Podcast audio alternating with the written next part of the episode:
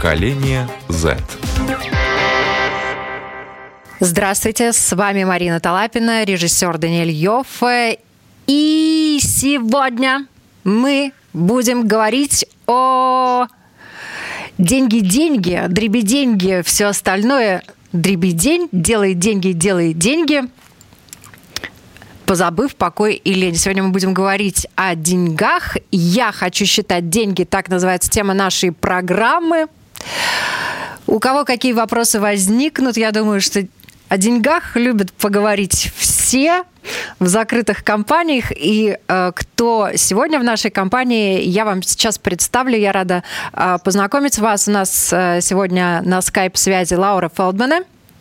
Здравствуйте. Михаил Олехов. Добрый день. Виктория Крисуна. Здравствуйте. И эксперт, специалист по маркетингу, преподаватель Латвийского университета Ольга Казак. Здравствуйте.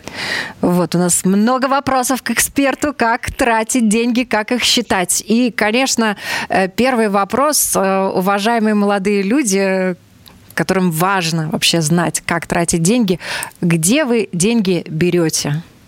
Ну, чаще всего я, конечно же, беру деньги у мамы или у папы, так как я еще подросток и работать достаточно трудно. Но летом я все равно подрабатываю. В прошлом году, прошлым летом, я подрабатывала в ларьке с мороженым. А, я продавала мороженое, но так как оказалось там очень маленький заработок, потому что достаточно мало людей хотят покупать мороженое почему-то. Затем а, я работала в ресторане у своего дяди. Я сначала работала судомойкой. А, там была неплохая зарплата, кстати. Затем а, меня уже повысили, так скажем. Я подрабатывала там барменом в этом же ресторане. Помогала своему брату, который работает там официантом. Вот. Да. А, вопрос э, сразу. Вот ты сказала, что ты берешь э, деньги у родителей. Ты сама их берешь? Или они тебе позволяют их брать, выдают какие-то суммы? Тут такой важный момент для родителей? Ну, конечно, я спрашиваю своей мамы. Э, как бы я спрашиваю, если мне нужны деньги, я прошу какую-то определенную сумму денег. Э, если мне вдруг надо что-то там купить, возможно, из одежды, даже я и пишу, мама, там, скинь мне какие-то денежки. Э, если просто гулять, тоже как бы спрашиваю, конечно же, и мама мне всегда дает. Какая мама молодец. Ну, надо сказать, что если мама всегда дает, значит, у нее есть источник такой неисчерпаемый. Об этом мы поговорим попозже. Лаура, ты тоже работаешь, несмотря на то, что и учишься. Сейчас во время карантина работать не получается. А, зато есть время поучиться. Но вообще у меня тоже достаточно обширный опыт работы. Я начинала в маркетинговой фирме, проводила разные дегустации. Это было лет в 15. Потом я пошла работать в кофейне, тоже сначала как посудомойка, потом меня тоже повысили, я начала делать кофе, раздавать разные пирожные и тортики. Вот. Потом я поработала в обувном магазине летом, где тоже так прилично заработала и накопила деньги. А потом обратно вернулась в другую кофейню, где вот работала уже в этом году. Ну вот сейчас э, ты не работаешь где ты берешь сейчас деньги? Вот сейчас, в данный момент, я даже толком не нуждаюсь в деньгах, потому что э, я сижу дома, делаю уроки, а все необходимое я пишу маме, она покупает, и у меня доставка на дом. Слушайте, это классно, да? Вот родители, которые деньги дают и доставляют все. Мишенька, как у тебя? У меня, к сожалению, не такой обширный опыт работы, как у Лауры, но тоже он есть. А прошлым летом я подрабатывал как муз- а, музыкант в ресторане. А потом, что я еще делал? Я еще, когда был в Праге до начала карантина, а, я начал подрабатывать как бариста. Это для меня нач- было новым опытом. И, к сожалению, мы от, а, у меня проходила практика, и почти уже приблизились к тому моменту, когда уже мой работодатель сказал бы, вот твоя первая зарплата, но начался карантин. Но для меня ничего не закончилось в плане получения работы, потому что мне нравится учиться, и я понял, что почему бы не попробовать кого-то еще учить. И уже две недели, как я обучаю через Skype или Zoom а, людей латышскому или же немецкому, начальный уровень.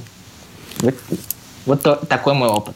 Респект, молодые люди. А вот хорошо, а, это то, что касается работы. Но если а, работы нет, э, тебе же все равно недостаточно этих средств, которые ты пока на начальном этапе своей трудовой деятельности зарабатываешь. Где ты их берешь? Ну, как и Лаура, и как Виктория, у меня очень хорошая мама. Или пап, или у папы спрашивала. Вот как часто вы просите деньги у родителей? У меня, так как я сейчас дома, мне не надо достать, а, мне не надо часто просить родителей. Я тоже могу написать, а, мне а, будет доставка на дом. Но так как у меня есть и занятия, которые, а, а, на которых я сам учусь, а, за это надо тоже платить. Тогда я спрашиваю своих родителей. Но есть совсем другая ситуация, когда а обучение, там я получаю какую-то определенную сумму на месяц, и уже сам начинаю планировать свой бюджет и как распределить, чтобы хватило и чтобы что-то накопить. Какие суммы вы просите у родителей на те самые карманные расходы? А, вообще обычно, если мне нужно покупать какую-то одежду или же что-то такое, то я прошу в районе 100 евро, потому что у нас все очень дорого сейчас, и на меньшую сумму просто ничего не купить. А если мне просто выйти погулять, это может быть 5, ну максимум 10 евро, потому что это спокойно хватает, чтобы покушать или что-то купить еще себе дополнительно. Также, там, не знаю, сходить в кино даже хватает. Но так как сейчас карантин, я сижу дома, деньги не тратятся, моим родителям хорошо. Вы экономите средства, бюджет семьи? Да, получается, да. все экономят. Ну, вспомним нормальную жизнь, которая скоро, будем надеяться, начнется. Вот сколько в месяц, какая сумма необходима, и именно привлечение из источников родителей финансовых доходов? Ну, я могу сказать, что мои родители дают мне сразу деньги на весь месяц, и тогда я начинаю их распределять сама. В принципе, это где-то 100, да, где-то 100 евро. И потом, если мне вдруг не хватает или я вдруг потратила больше, чем я думала, они мне могут добавить. А, в моем случае мне родители тоже перечисляют в начале месяца. И так как я обучаюсь за границей, мне надо оплачивать а, и жилье свое, и питание. Поэтому я составляю четкий бюджет, но не всегда получается его придерживаться, к сожалению тогда надо как-то самому выкручиваться. Так как у меня есть часть денег, которая именно идет на проживание, потом мне на свои расходы, на еду и так далее. Это в районе 200 евро. Это примерно приблизительная сумма, которая достаточно, чтобы нормально жить студентской жизнью и за а, проживание, которое достаточно дорогое в городе Прага. На самом деле получается плюс-минус 100-200 евро в связи с тем, что ты проживаешь это вместе с жильем, да? Да. да. И, а, Виктория, у тебя сколько в месяц уходит приблизительно денег? Я так думаю, что может быть за 50 евро просто на, на какие-то гулянки, так, на развлечения, так скажем. Ну, если мне нужно покупать какую-то одежду, еще раз повторюсь, то не могу прям сказать точно, но где-то, может быть, 100 евро может мама мне дать дополнительно. То есть это 150, тоже 200 евро примерно уходит. Вам родители за что-нибудь платят? Да, мне платят э, родители, особенно сейчас, потому что параллельно того, что я сижу дома, я сижу дома со своей младшей сестрой, помогаю ей делать уроки. Вот. И также я таким образом зарабатываю. А и сколько такса, сколько ты берешь в час с родителей? Я беру в день 10 евро. Очень даже неплохо. Оля, я хочу спросить вас, вы, вы не только эксперт, вы еще и мама, и у вас тоже есть дети, да, и у вас тоже финансовые, денежные отношения какие-то с детьми складываются, да, вот вы как эксперт и как мама.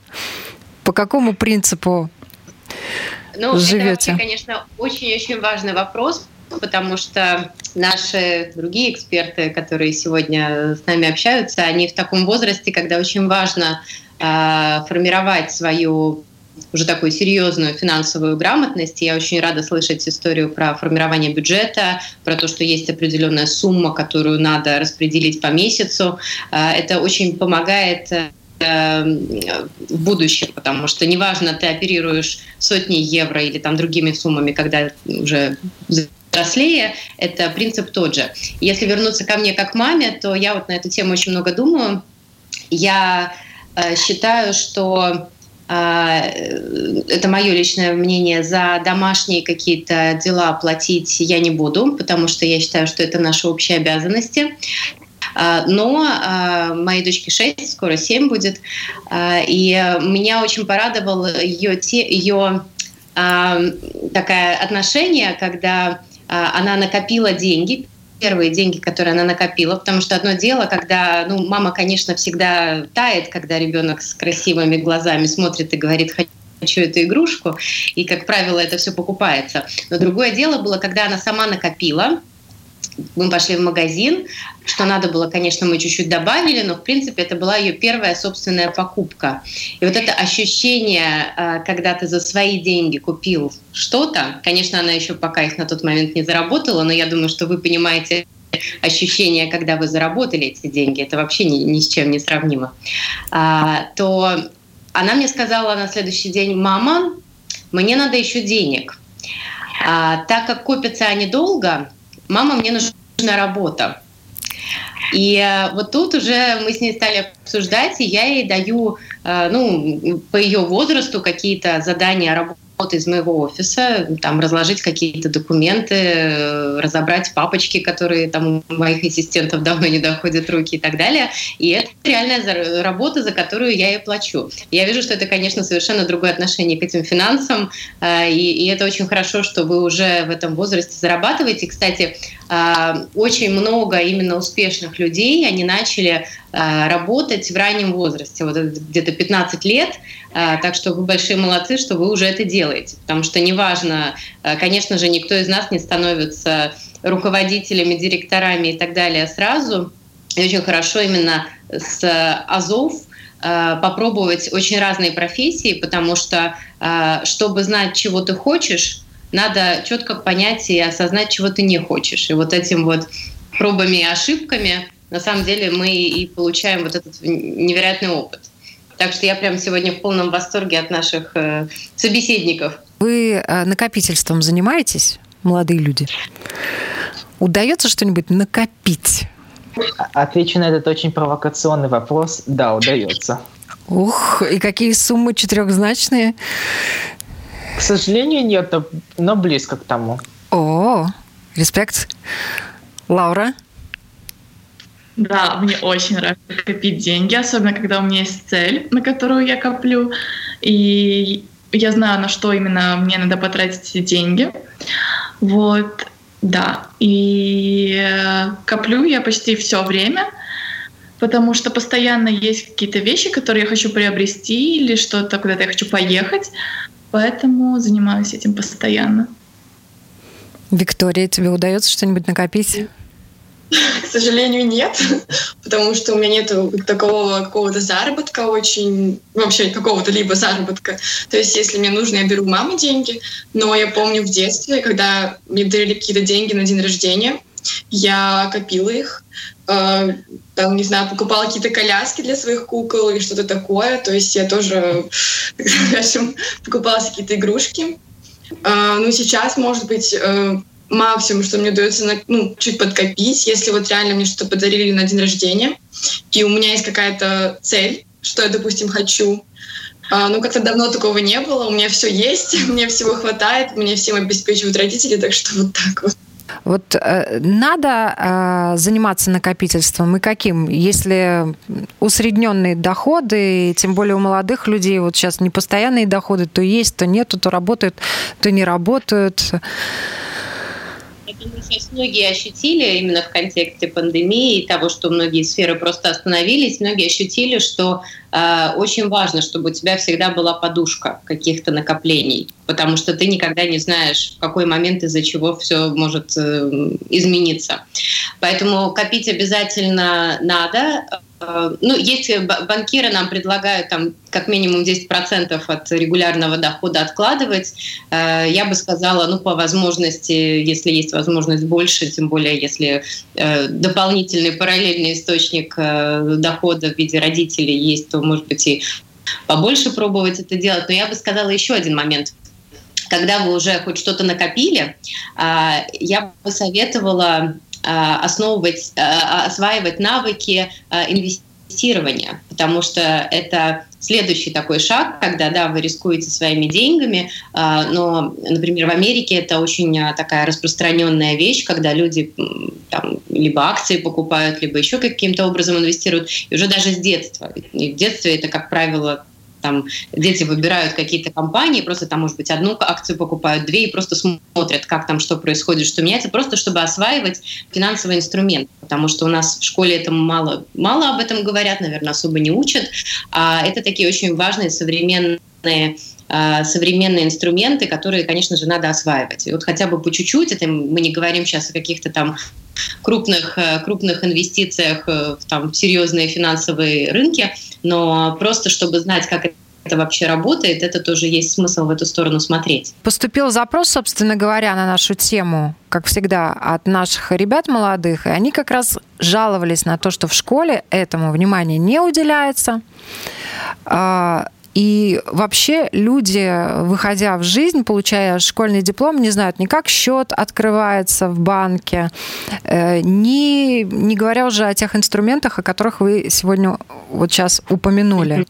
Ребят. Это удивительно, это удивительно, но мне кажется, это просто надо тогда восполнять самостоятельно информации много, э, конечно, не надо, конечно, и мошенников много, и надо быть внимательными, когда мы, когда мы говорим о финансах, это, это, это и свобода, но это и ответственность, согласитесь. Э, свобода приобретать то, что вам нужно, но и ответственность, собственно, риск всегда, вы можете в любой момент с любым, с любым э, вариантом потерять эти деньги. Поэтому э, приходится, к сожалению, наша система образование почему-то не считает это важным, а, но мне кажется, это, ну, это такая гигиена, что ли, современная, когда надо понимать, как ты можешь обращаться со своими средствами.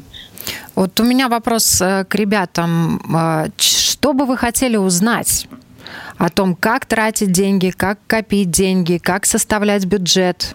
Для начала я бы хотел адресовать свой вопрос нашему эксперту, нашему чудесному эксперту сегодняшнему и спросить, какие могли бы быть шаги к этому инвестированию, потому что об этом, может быть, и каждый задумывается, но вот какого-то алгоритма, как это в наших условиях делать, а, на что обратить внимание, может быть, вы могли бы дать нам какие-то советы?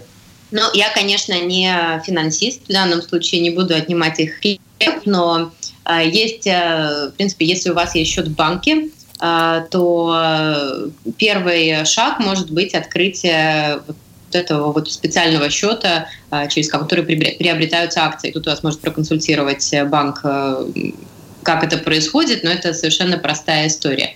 А, Еще э, есть у биржи есть сайт, где NASDAQ, где вы можете следить за тем, какие сейчас стоимости акций, какие тенденции то есть, ну, скажем, последить, хотя бы просто не приобретая ничего, поинтересоваться, как вообще происходят э, какие-то изменения. Сейчас очень можно было хорошо видеть э, то, как с с кризисом, с наступлением кризиса, когда во многих странах э, объявили карантин, как просто стали скакать цены на различные акции.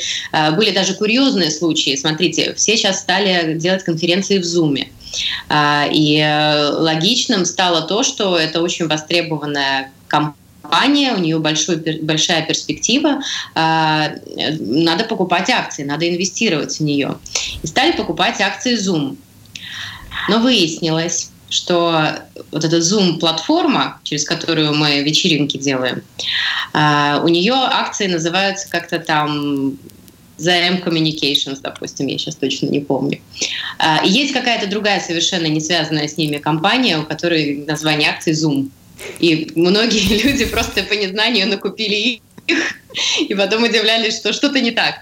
Ну, то есть это такой, э, такой, такой момент, что что, конечно, тут э, надо просто интересоваться. Э, очень хорошо, что есть какие-то... На самом деле банки они достаточно открыты на тему вот, консультаций по, по поводу инвестирования. Э, там есть, есть же разные варианты, там и акции, и фонды, еще что-то. Э, и, и вот этот вот первый шаг вступления, он обычно не очень, ну, он, он может быть минимально не очень большой. И, конечно, вы там сейчас первый миллион свой не заработаете на этом, но просто чтобы понять, как это работает, вот какую-то сумму, которую вы готовы на это выделить, просто чтобы экспериментировать и понять, как это работает. Это будет очень полезный опыт и для, для вашего будущего.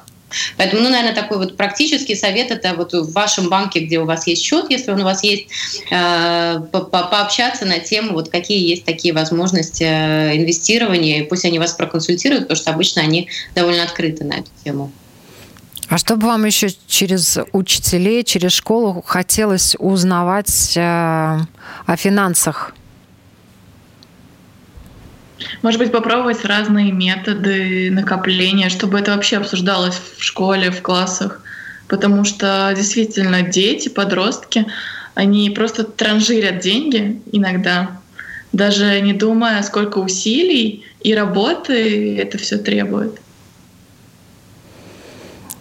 Возможно, могли бы ввести на уроках информатики какой-то уроки по заработку в интернете, так когда уже Лаура сказала, что э, мы очень много транжирим деньги, денег э, родительских и не знаем, каким трудом они зарабатываются. То есть, мне кажется, это был бы очень э, хороший опыт понять, э, как их зарабатывать, э, сколько сил, сколько э, энергии туда вкладывается. Ну вот это важная тема, действительно. И э, вопрос вообще, что вы знаете о семейном бюджете? Вы знаете, сколько ваши родители зарабатывают? Ну вот, э, если говорить о том же уроке информатики и о семейном бюджете, моя мама, например, какое-то время вела в Excel э, документ, где она расписывала, на что уходят деньги, э, сколько доход, и таким образом мы следили вообще о накоплениях. То есть... Да, у, меня тоже, у меня родители ведут э, бюджет, я знаю, сколько они зарабатывают. У меня оба родителя финансовые консультанты, и поэтому они по специальным ну, как, программам разработанным э, ведут бюджет. То есть там идут э, три листа, целые А4 там колоночки, что за куда уходит. И то есть можно потом э, посмотреть, сколько уходит в месяц на семью и кто что больше куда потратил слушая девушек, я понимаю, насколько все-таки мы, мы не продвинуты в этом плане. Мы тоже пытались вести семейный бюджет. Я представляю, сколько мои родители зарабатывают, но почему-то у нас эта практика с Excel не, а, не вошла в обиход. Но во всяком случае, понятное дело, что есть приблизительный план, которого мы держимся на месяц. И самое главное, что я понял за свое время, когда начал по-настоящему задумываться как распланировать деньги на месяц, это понимать свои приоритеты. И вот тоже это относится к тому, что школа должна была бы научить нас а, выстраивать приоритеты именно финансовые, куда деньги надо, куда их надо вкладывать и как с ними распоряжаться. Вопрос, Оля, вам. Вот то, что касается э, бюджета, бюджета семьи а, и бюджета, может быть, своего, Угу. Какие есть варианты? Сейчас же огромное количество приложений, в том числе на телефон можно скачать, которые могут помочь все это распределять, следить, контролировать. Ваши угу. рекомендации? Э, я думаю, что да, это хорошее. Я сама э, не пользуюсь для, для нашего семейного бюджета таким. Мне хватает э, того, что мы очень много платим карточкой, и просто можно посмотреть э, распечатку банковскую примерно, на что, что, что на что уходит. А если мы говорим про ребенка, то ну, пока еще не тот возраст, чтобы мы уже так серьезно озаботились этим вопросом, но я думаю, что мы придем к какой-то аппликации, скорее всего. У меня был интересный эксперимент, который со мной родился родители провели когда-то, а, они дали, они сказали, вот э, на полочка, а, на ней лежит наш семейный бюджет на месяц, вот, э, значит, счета, которые надо оплатить там по квартире и так далее. А, и, ну, продукты ты вот можешь идти в магазин, покупать, что хочешь. И я так обрадовалась, мне так идея понравилась. И после пары, пары походов в магазин с покупкой того, что я люблю и что мне понравилось, из продуктов, а, я начала замечать, что деньги как-то катастрофически тают. И, что на месяц это, скорее всего, в таком режиме не хватит. И это был такой очень хороший урок. А, это невероятная мудрость и смелость со стороны моих родителей, а, но это, это многому научило. Поэтому мне кажется, что хорошо, когда есть история про про вот фиксацию каких-то позиций, если они анализируются. А, но а, еще один момент важный – это вот просто ограничить себе какой-то бюджет на месяц, и попробовать вот в рамках понять, вот хватает, не хватает, а почему когда-то не хватает, а, а в какой момент тогда надо сэкономить. И чтобы желательно, чтобы это было не так, что там первые две недели я живу как на широкую ногу, а потом совершенно там э, на, на бабушкиных булочках, которые, которые, скажем, меня, меня кормят. А, то есть это а, инструментов опять-таки много. Мне кажется, здравый смысл еще никто не отменял. И, наверное, вот это самое главное понять, э, что а, когда мы тратим с карточки, это намного легче, и мы не чувствуем эту сумму. Э, то есть, может быть, в какой-то момент провести эксперимент, когда вы снимаете эти деньги, они у вас в кошельке, и вы проверяете, сколько там осталось. Это тоже отрезвляет периодически. Э, и, ну, как-то переносить на какие-то, может быть, даже параллели, скажем так. Вот так вот я там за месяц потратила на, на кафе какие-то развлечения столько, а что бы я могла за эти деньги купить э, более долгосрочное, более для меня ценное. Хотя, ну, я не говорю, что развлечения и кафе не нужны, это, это тоже важная часть нашей жизни. Но это, скажем, если мы вот хотим какую-то дисциплину себе привести, то, конечно, вот это вот учет какой-то, э, он, он помогает. Ну, э, а сколько вам было лет, когда вы, ваши родители осмелились на эксперимент? Это были, это были старшие классы школы. Я уже так точно не вспомню, но старшие классы школы это были. То есть, ну, не совсем, конечно, не как моя дочка на данный момент, естественно, сейчас я, это было бы э, бесполезно, ну, такой, скажем, слишком рискованный, и ей просто еще трудно понять какие-то вещи, но э, на тот момент уже хорошее время, когда вот, да, задуматься о таких вещах. А вы бы хотели распоряжаться семейным бюджетом хотя бы месяц, ребят? Я бы попробовала. Нет. Нет. Я бы тоже, наверное, нет. Это, конечно, неоценимый опыт, но ответственность, ответственность тоже очень большая, потому что не только за себя отвечаешь, но и за семью. Тут как бы такое дело. Вот Виктория сказала, что у нее родители финансовые консультанты, и мне стало сразу любопытно, а какие-то финансовые консультации они тебе уже по поводу расходов давали? Ну, они больше по части пенсионного фонда. Вот там мне уже все руки пробежали, все рассказали про это, э, куда и как там, и сколько вкладывать, чтобы лучше было, через сколько. То есть я знаю об этой программе как раз, э, то есть они работают в Евролайфе, может быть, знаете, не знаю.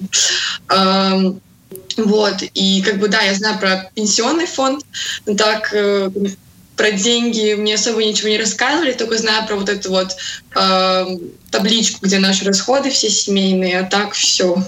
Пенсионный фонд был упомянут, и слово «пенсия» сразу навела на мысль молодежь-то о пенсии не особо задумывается.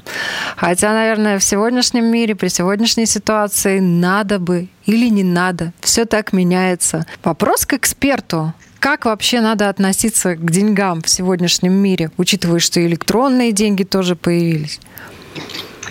Ну, э, насколько я, так как я чисто для себя тоже этой темой интересуюсь и по поводу инвестиций, э, есть э, разные категории денег. Есть категории денег, которые вам нужны для того, чтобы вы жили на том уровне, на котором вы хотите, и вы могли заботиться о себе и о своих близких. А, и это, это те, те деньги, которые мы накапливаем, которые у нас есть финансовая подушка, а, и которыми мы не рискуем. А, и есть вторая категория денег, то есть вы понимаете, ребят, сколько надо работать и, накопить. Вторая категория денег – это те, которые ты готов инвестировать, но ты готов инвестировать, это означает, что ты готов их и потерять, потому что любые инвестиции это всегда риск. И, соответственно, э, ну, я бы сказала, что вот надо как-то, с, с моей точки зрения, э, дилетанта, в принципе, в этом вопросе у меня нет такого образования. А, это вот именно вот разделение на, на такие блоки, и так, тогда ты понимаешь, что вот есть определенные а, запасы, которые у тебя для целей вот семья и чтобы мы могли хорошо жить, а, не только на той гречке, которую мы там в первую неделю пандемии накупили тоннами. И есть другие финансы, которые, которые вот дают мне возможность экспериментировать, изучать там, финансовые инструменты.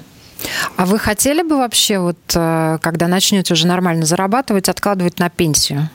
Я лично однозначно да, потому что мне как раз-таки мама рассказала про все эти пенсионные фонды, как это выгодно и вообще, в принципе, э, как это помогает э, так скажем, жизни в старости, потому что пенсии у нас, конечно, мизерные в Латвии, а, а там э, позволяет этот накопительный фонд, то есть каждый год ты туда складываешь определенную сумму денег, и Затем уже там через... Ну, то есть обычно эти программы очень длительные, то есть на 40 лет, на 50 лет. И получается, что в конце там э, очень большие суммы выходят. Э, по причине того, что также эта программа в акции вкладывается, она тоже работает этими деньгами, как, наверное, во всех таких э, штучках. Вот. И это очень... Выгодно. Я однозначно буду вклад, ну, то есть как бы делать такие пенсионные фонды, потому что не хочу потом жить без денег, так скажем. Лаура, Миша, вы об этом задумывались? Как говорит моя бабушка, еще до этой пенсии дожить надо. Пока что я просто наслаждаюсь сейчас этим днем. Пенсионный фонд – это, конечно, очень важно, и тоже об этом надо задумываться на каком-то этапе. Но я считаю, что, во-первых, надо все-таки создать этот резервный фонд, эту подушку, и тогда как-то распределять, потому что все сразу направлять усилия на несколько сторон, наоборот, распыляться. И поэтому эффекта будет меньше. Такое мое мнение. Но, но к сожалению, я не настолько в этой теме, как а, наша участница Виктория. Но это обязательно, это очень важно. А вы задумывались о том, сколько плюс-минус вы реально сможете зарабатывать после того, как закончите школу, поступите в университет, получите диплом университета, устроитесь уже на какую-то работу, э, которая будет вам нравиться, которая будет приносить какой-то доход стабильный? Сколько бы вы хотели это одно, а вот реально могли бы зарабатывать? А, у меня такая специальность, по которой я продолжаю свое образование, а, музыка, что очень надо об этом уже сейчас задумываться, даже когда еще не закончится обучение. Потому что ты должен искать варианты. А, это не, не стабильных работ, поэтому в идеале надо найти возможность а, работать на двух работах. Может быть, не связанной с, именно с музыкой, потому что предсказать доход э, вообще это, не, это очень переменная величина, поэтому эти, конечно, мысли меня навещали. Ну, может быть, не меньше скольки ты планируешь зарабатывать? Ну, это в зависимости от того, буду ли я продолжать жить в Латвии или буду ли я жить в Чехии или еще где-то. От этого будет тоже и зависеть мои запросы, потому что а главное, чтобы на минимальные потребности были покрыты. И потом уже начинаются те а, потребности, которые я называю лично как хотелки. И у человека они а, со временем растут, поэтому тут а, сложно сказать. Девчонки, как у вас, вы знаете, сколько будете зарабатывать? Пока не очень понимаю, потому что даже не могу представить пока что, что хочу от своей жизни, какую сферу пойду работать. А, наверное, хотела бы что-то творческое, а, где не, надо, не нужно было бы сидеть а, за компьютером там с 9 до 6, потом идти забирать ребенка из школы, готовить. Ну, как бы это все не мое, вот эта рутина. Не хотелось бы все-таки ну, я думаю, хотелось бы, конечно же, в районе ну, хотя бы двух тысяч евро в месяц. Ну, в идеале, наверное, пять тысяч. Но мне кажется, в Латвии это крайне сложно. Да.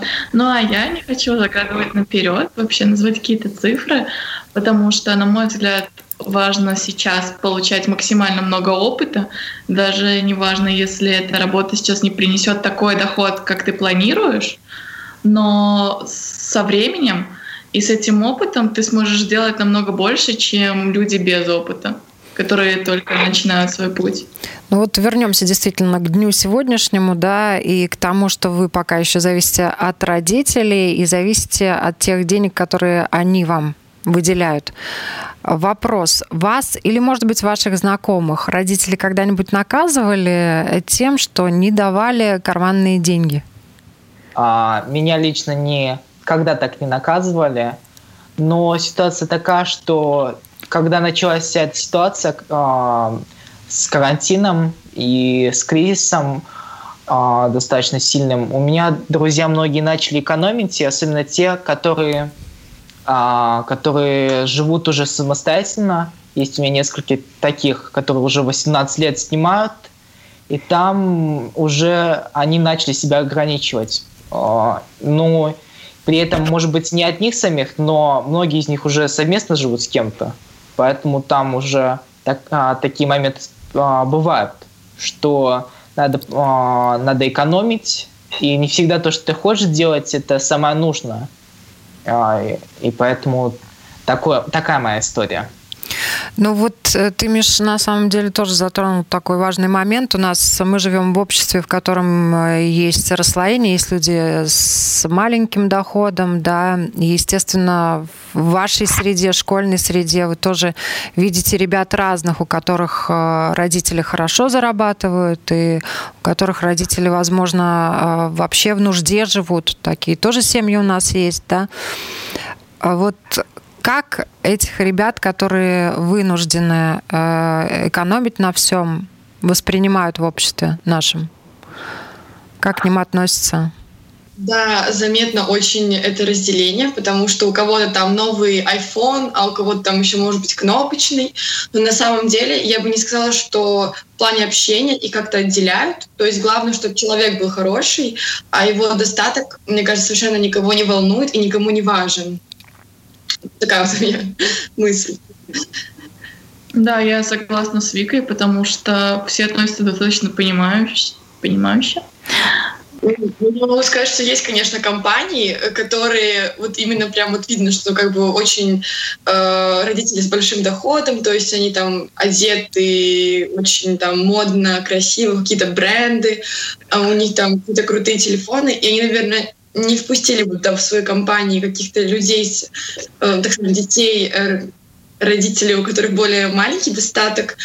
Но лично в моей, в моей компании э, и в моем общении нет такого разделения. То есть я совершенно общаюсь и с людьми, у которых большой достаток, и у которых, э, может быть, меньше чуть-чуть. Я еще раз повторюсь, мне важно, чтобы был человек хороший, а не сколько-нибудь денег. Я тоже присоединюсь к Вике. Конечно, есть случаи, когда компания образуется по такому принципу, что у кого-то у родителей достаток больше или меньше. Но, во всяком случае, в той школе, где я обучался, это не было так заметно. Может быть, потому что у нас очень маленький коллектив. И, конечно, важно именно какие у человека качества. Потому что мы никогда не знаем, в каких обстоятельствах он, и поэтому только судить по доходу нельзя о том, насколько человек успешен или нет. Бывает часто тоже в нашем обществе складываются ситуации, когда родители упахиваются для того, чтобы у детей все было. Но эти дети родители не видят. И в вашей жизни есть такие ситуации в вашем окружении у знакомых ребят? Лично у меня была такая ситуация, когда э, мой папа работал действительно вот просто с утра до самого вечера я его практически не видела. То есть бывало то, что он приходил, когда я уже спала или засыпала. То есть мы могли просто поздороваться с ним, и он пойдет спать. Но мы виделись на выходных, конечно же. Эм, вот. Так я больше не могу ничего сказать из данного. Наверное, я могу тоже тут а, что-то сказать, потому что у меня папа работает моряком, и поэтому это дальние контракты, это несколько месяцев, обычно три или четыре. поэтому мы с ним тоже не часто видимся. Но это очень зависит от того, как человек, как человек к этому привык и как он к, а, к нему относится, к, к этой ситуации. Потому что во всем должен быть все-таки баланс, я так считаю, что а, родители не должны жить для, только для их детей, но и для себя тоже. И как там наша семья смогла в этом найти равновесие. И как каждую встречу мы, во всяком случае, очень а, а, всегда друж, дружно встречаем друг друга. Знаете, я, а, когда мы говорили, наверное, даже не столько пока, пока что вопрос, а такой небольшой комментарий, когда мы говорили по, о том, ну, сколько бы было интересно мотивационно зарабатывать. А, я, помимо прочего, еще и работодатель, поэтому я могу, скажем, на эту тему тоже чуть-чуть высказаться, что а, довольно такая диссонансная ситуация получается, когда а, довольно молодые люди приходят э, которые уже, ну вот у них есть эта планка не меньше скольки-то, и это не потому что там хотелки какие-то есть или просто не мечтают об этом, а потому что у них уже есть какой-то кредит, какой-то вот за это платить столько, за это столько, то есть они уже набрали столько обязательств, что это их просто минимум выживания. А, и ты понимаешь, что, к сожалению, а, на данный момент э, его профессионального развития этот человек столько не стоит, его компетенция столько не стоит. А, и, и ты понимаешь, что с одной стороны, да, его эти запросы, они э, обозначены его обязательствами, но это для работодателя не аргумент. Для работодателя аргумент, естественно, насколько твои, твоя компетенция цена компании, и насколько ты, ну, за сколько ты условно сможешь ее продать дальше клиентам. И это тоже, наверное, стоит э, ну, к, к, к истории про экономию, про, про, про какие-то другие там э, инструменты финансовой грамотности, э, наверное, поначалу очень важно вот научиться как-то жить и с маленькими суммами, с большими, я думаю, мы все быстро научимся жить. И, и скорее нарабатывать вот этот свой, свой профессиональный потенциал, чтобы было, было обосновано вот, этого, вот, вот это желание и, и, скажем, да, я, я столько стою, мои компетенции столько стоят, тогда это будет меньше разочарований потому что взаимных, потому что я, ну и мы разочаровываемся, когда такие истории появляются, и, и конечно же человек, когда он не получает эту работу, у него это тоже и там полгода ищет и не может понять, почему. Вот, поэтому это такой, э, такой момент э, да вы меня навели на размышления на эту тему. У меня очень хорошие размышления. Этому тоже, наверное, стоит учить с э, малолетства. Да, да, да. Это, ну, к сожалению, это вообще такой, скажем, всякие кредитные обязательства. Отдельная тема большая – это э, экономика, sharing economy, которая сейчас э, все больше набирает силу, когда мы не покупаем квартиры, машины, а мы берем в аренду. А, и с одной стороны это это облегчает, потому что ну вот нет такого, что мне каждый месяц надо платить там за кредит какой-то невероятной суммы. А с другой стороны, это тоже такая определенная зависимость, потому что э, это тоже создает определенную сумму. Вот на такси мне надо столько, на, на квартиру, которую я арендую, мне надо столько, и все равно это набегает вот такая вот сумма, которая а, тоже как только доход прекратился, а где ее брать? То есть, ну, такие, такие моменты, которые тоже надо понимать, э, скажем, какой бы, какой бы путь вот, э, владения вы, вы не выбрали. Ну, я, наверное, в завершении э, хотела бы еще один момент финансовый затронуть. Тему благотворительности. Вот вы э, тратили помогали кому-нибудь безвозмездно теми деньгами, может быть, которые вы не зарабатываете, но как-то там мотивировали родителей, чтобы они вам дали деньги именно для того, чтобы вы их кому-то безвозмездно зачем-то отдали? У нас более очень активно проходит благотворительность. И тогда мы приносим для детей, которые живут в детдоме или без родителей, э, всякие игрушки, одежду в таком виде благотворительность. И Конечно, когда проходишь на улице мимо людей, Ну, какая-то мелочь в карманах есть, и знаете, лучше не шоколадку там какую-то лишнюю купить, а вот все-таки хоть как-то помочь человеку. А мой способ благотворительности очень много успел по поучаствовать в разных благотворительных концертах и акциях, когда мы собирали пожертвования, как и дед, а, а, домам для бездомных, а, для детей без родителей. Также мы тоже даем всей семьей одежду. И если какие-то возможности есть поддержать тех людей, например, которые ищут деньги на операцию какую-то, ведь у нас тоже и на есть программа «Зеленая лампа» и другие возможности. Мы тоже стараемся как-то поддерживать такие инициативы. Виктория. Я именно приходила конкретно в приют для животных. А, мы хотели с подружками погулять э, с собачками, помочь uh-huh. приюту. Также мы оставили небольшую сумму денег, которую смогли в тот момент. А второй раз э, у меня была мысль, так скажем, в моей семье взять щенка из приюта. И мы тоже смотрели, эм, как бы выбирали, но, к сожалению, не взяли. Но мы тоже оставили небольшую сумму денег чтобы помочь им на, на корм, на медикаменты и так далее. Вот. Кстати, если мы говорим о планировании бюджетов, то а, сейчас набирает силу, за границей она уже давно популярна, у нас пока набирает силу такая тенденция, когда вы абонируете благотворительность, то есть вы выбираете какой-то проект, а, который а, вам ну, близок по ценностям, по своим целям, и каждый месяц у вас автоматически со счета уходит сумма X, которую вы там заранее запрограммировали, решили. Это тоже такой вопрос к планированию, что, скажем, у вас есть еще одна категория денег, которые вы не только там на, на выживание, не только на инвестирование, но и вот благотворительность. Это действительно тоже, кстати, большой такой блок. Есть еще, еще возможности, когда а, вы платите карточкой, и ваша сумма, там, ну, как правило, это не ровные э, деньги, а, а, не круглые, там, евро, ваша покупка округляется, да, вот, допустим, вы кофе покупаете за 2,50, до 3 евро округляется эта сумма, и 50 центов перечисляется на благотворительность. Или на ваш сберегательный счет. Это, кстати, один из наших банков сейчас стал предлагать, прислали, прислали информацию. Еще один вам инструмент, как можно себя дисциплинировать. Но на самом деле, я думаю, что мы сегодня достаточно широко посмотрели на то, как э, можно тратить деньги, какие есть возможности. Я надеюсь, что наша программа будет полезна и другим ребятам, которые будут ее смотреть. И вот дай бог, чтобы у нас у всех было столько денег, э, чтобы мы могли помогать и заниматься благотворительностью целенаправленно, ежемесячно, запланированно.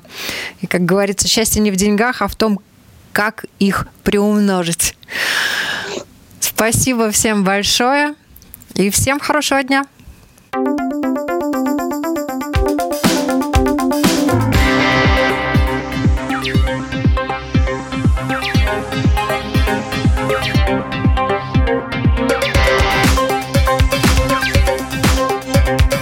Поколение Z.